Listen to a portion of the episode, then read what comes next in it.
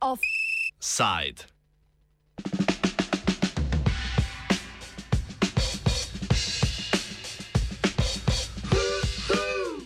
Uskoška dediščina Zagrebške uprave.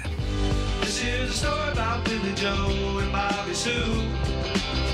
Two young lovers with Prestolnico naše južne sosede že drugi dan pretresajo aretacije lokalnih politikov, poslovnežev in državnih uradnikov. Hrvaški USKOK, Urad za boj proti korupciji in organiziranemu kriminalu, je do časa pripravljanja oddaje vsaj 18 oseb pridržal zaradi sumov plačevanja in prejemanja podkupnin.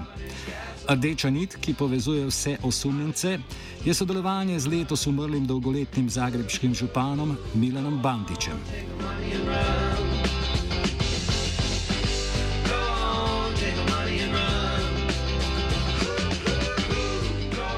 Med vsemi aretacijami pa je najodmevnejša aretacija dosedanjega generalnega direktorja Hrvaške radiotelevizije Kazimirja Bačiča. Domneva namreč, da je županu Bandiču lani prinesel vrečko s 50 tisoč evri podkupnine, da bi svojemu poslovnemu partnerju olajšal gradnjo stanovanskega naselja Vrtovi Sjetla. Bančič ima z ženo v lasti pet stanovanj, tri hiše, apartma v Selcih, v Kvarnerju in poslovni prostor v Dubrovniku v skupni vrednosti okoli milijon evrov in pol. Njegov prihod na položaj generalnega direktorja HRT opiše politični analitik Žarko Puhovski.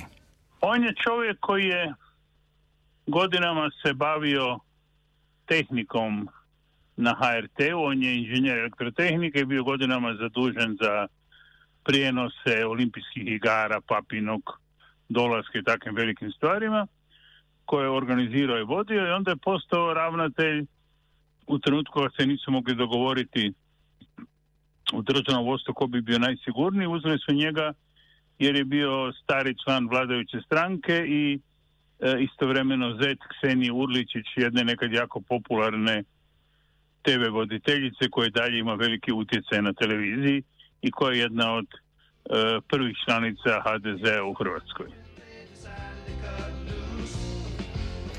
Kazimir Bačič je na svoj položaj prišel leta 2017. Od takrat pa se okrog njega vrstijo pritožbe in škandali. Novinarka Maja Sever je na svoji Facebook strani naštela kar 17 javnih pritožb Hrvaškega novinarskega društva, ki jih je to podalo do njegove aretacije. O težavah v upravi HRT-ja v času Bačičevega dela nam pove Sanja Mikleušič Pavič, predsednica sekcije Hrvaškega novinarskega društva na Hrvaški televiziji. HRT-u su za mandatu Kazmira Bačića ne samo ove afere koje ste vi nabrojali, potresale mnoge druge. Riječ je o seksualnom uznemiravanju od strane visoko pozicioniranog rukovoditelja, suradnika, bliskog suradnika Kazimira Bačića. E, moram napomenuti da je Kazimir Bačić bio e, prije mandata glavnog ravnatelja šef tehnike Hrvatske radiotelevizije, no zanimljivo za nego, njegova mandata program svih kanala Hrvatske radiotelevizije, znači četiri kanala stao je na prilike e, dva sata zbog nestanka struje. Dogodilo se da je i središnja informativna emisija, što je nezapamćeno u povijesti, čak i za vrijeme agresije na Hrvatsku, srušio se dnevnik, dakle središnja informativna emisija dok se premjestili studije, studio nije išla otprilike nekih 12 minuta. Evo recentno ono što čim se zabavljala hrvatska javnost je da je u jednom od naj, kako se voli hvaliti i pohvaliti HRT, a time i njegov glavni ravnatelj, e, pritvoreni Kazimir Bačić, koji se svojevremeno hvalio da imamo najmoderniji studio za informativni program u Europi. E, Međutim, evo, svjedočili smo sad nedavno, otprilike to je nego dva, dva tjedna, tri tjedna najviše, da se u programu čula kiša. Dakle, dok je voditeljica vodila vijesti, čula se kiša zbog nedostatka izolacije na tom e, najboljem i najskupljem studiju. Zaradi kritike generalnega direktorja je skupaj s HND-jem in eh, drugim HRT-jevim novinarjem Hrvojem Zovkom trpela tudi Mikleušič Pavič.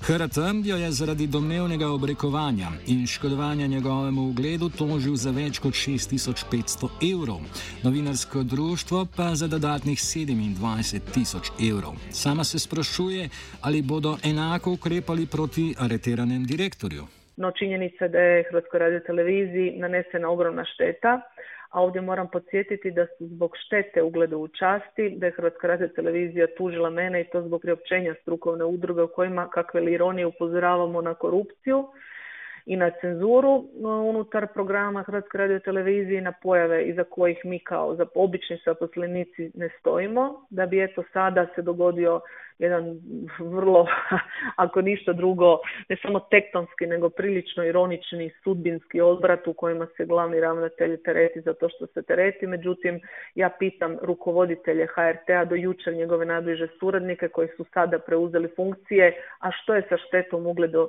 i časti Hrvatske radiotelevizije e, od strane Kazimira Bačića. Hoće li oni protiv njega, kao što su protiv mene i Hrvatskog novinarskog društva, podnijeli tužbu. Ta je tužba teška 250 tisuća kuna i e, evo, vidjet ćemo hoće li se slično ponašati ili jednakim mjerlima tretirati i glavnog ravnatelja Kazimira Bačića. Poleg Bančiča je bilo areteranih veliko zaveznikov in partnerjev nekdanjega župana Milana Bandiča, denimo nekdanja ministrica za zdravje Ana Stavljenovič Rukavina, gradbeniški poslovnež Ivan Papič in vsaj en mestni svetnik. Najslavnejši med areteranimi je seveda Denis Mohenski, znan tudi pod imenom Kralj Adventa, ki mu je pripadlo zaradi kartelnega do, do oddajanja stojnic v času zimskih praznikov na trgu Bana Jelačiča v Zagrebu, potem ko mu je prijatelj, gospod Župan, prepustil upravljanje javnega zemljišča. A ovo drugo je, to je pitanje takozvanog adventa, Zagreb je poznat po svojim organizaciji adventskih svećanosti, koji izgleda tako da se u centru grada, trga, trga Bana Jelačića nadalje, postavljaju kiosci, kućice kojima se prodaju različiti suveniri, hrana, pića i tako dalje, koje je jedan od tih suradnika, čije ste ime malo čas spomenuli, dobio kao neku vrst poklona od gradonačelnika za relativno male novce i onda ih je te pozicije, to nisu zapravo nekretnine, nego to su mali komadi asfalta, e, koje onda preprodavao dalje onima koji su htjeli postaviti kiosk sa svojim proizvodima ili e, prodavati tuđe proizvode.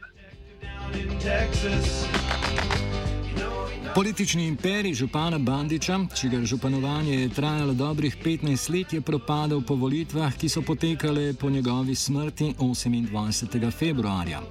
Na njih sta tekmovala desno domovinsko gibanje in levo-zelena koalicija Možemo, po slovensko Zmoremo ki je na koncu tudi zmagala. Novi župan je postal Tomislav Tomaševič, ki, je kmal, ki se je kmalo pospel na vrh lestvic priljubljenosti.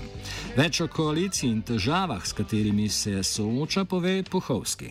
Promjena se dogodila kad je došla nova ekipa na vlast u okviru platforme koja se zove Možemo, koja okuplja nekoliko manjih skupina ili stranaka koji su uglavnom nastale iz aktivista koji su se godinama bunili protiv Bandićeve politike. Kako često puta kažemo ljudi sa asfalta, su svi oni znali danima sjediti na asfaltu, takozvani sit-in prosvjede organizirali. Postigli su fantastičan uspjeh, dobili su najveći broj glasova koji ikada itko u Zagrebu dobio, 200 tisuća glasova.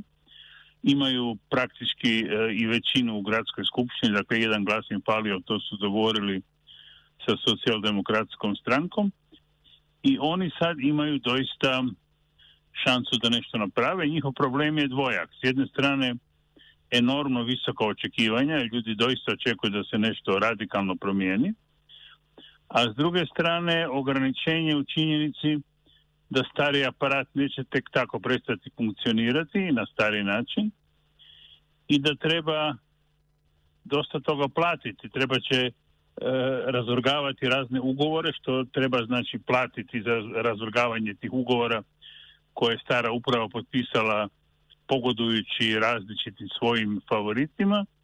Treba će vjerojatno neke ljude otpustiti pa će se ići na sudove pa će to isto tako koštati dosta novca i zato su oni u tom sendviču između velikog e, nivoa očekivanja i činjenice da mnoge stvari ne mogu ili barem ne mogu brzo promijeniti kao što to njihovi podržavatelji očekuju. Novi zagrebski župan Tomislav, možemo ali je gradska blagajna prazna, Tomaševič je po množičnih aretacijah na novinarski konferenci predstavil strategijo soočanja s korupcijo v tem mandatu, predvsem v času božičnih praznikov. Mi smo potpuno na raspolaganju što se tiče bilo kakve dokumentacije da ustupimo istražnim tijelima, a naravno već sam i najavio više revizija, jedna od tih revizija i to sam isto najavio je drugačiji model kako se dodjeljuju javne površine u gradu Zagrebu. Znači što se toga tiče, tu smo vrlo jasni, znači više situacije da se kućice daju pod najam i da netko kao posjednik zarađuje na tim kućicama, toga više neće biti. Hrvaški policisti sicer niso le, prijeli le občinskih svetnikov in direktorjev, temveč tudi dva voznika, ki sta delala za Bandiča. Osumljena sta namreč upletenosti v poskus podkupovanja. Njuna vloga pa je še pomembnejša, kot nakazujeta njuna naziva. E, Milan Bandič je relativno brzo shvatio da je pod kontrolom organa policijskih i tužiteljstva i on je relativno brzo onda nakon toga većinu svojih komunikacija prenio na svoje šofere. Dakle, ako ste trebali Bandića, zvali ste jednog ili drugog od šofera koji bi bio tada s njim, on bi prenio vašu molbu, želju ili pitanje Bandića i u ime njega odgovara ili dogovara sastanke i tako dalje. Dakle, oni su bili ljudi koji su bili ne samo svjedoci, nego i posrednici u velikom broju poslova koje je Bandić obavljao.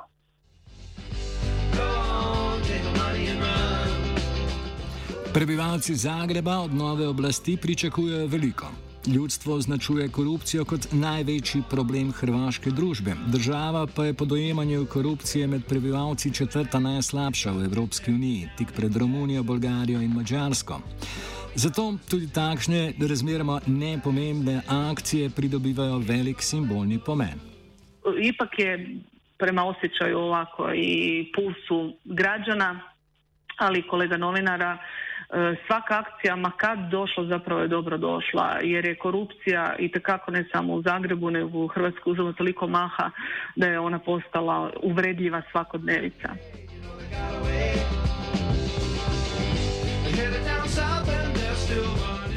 Offside je poneveril vajen Srđan, podkupnino je prejel Virant.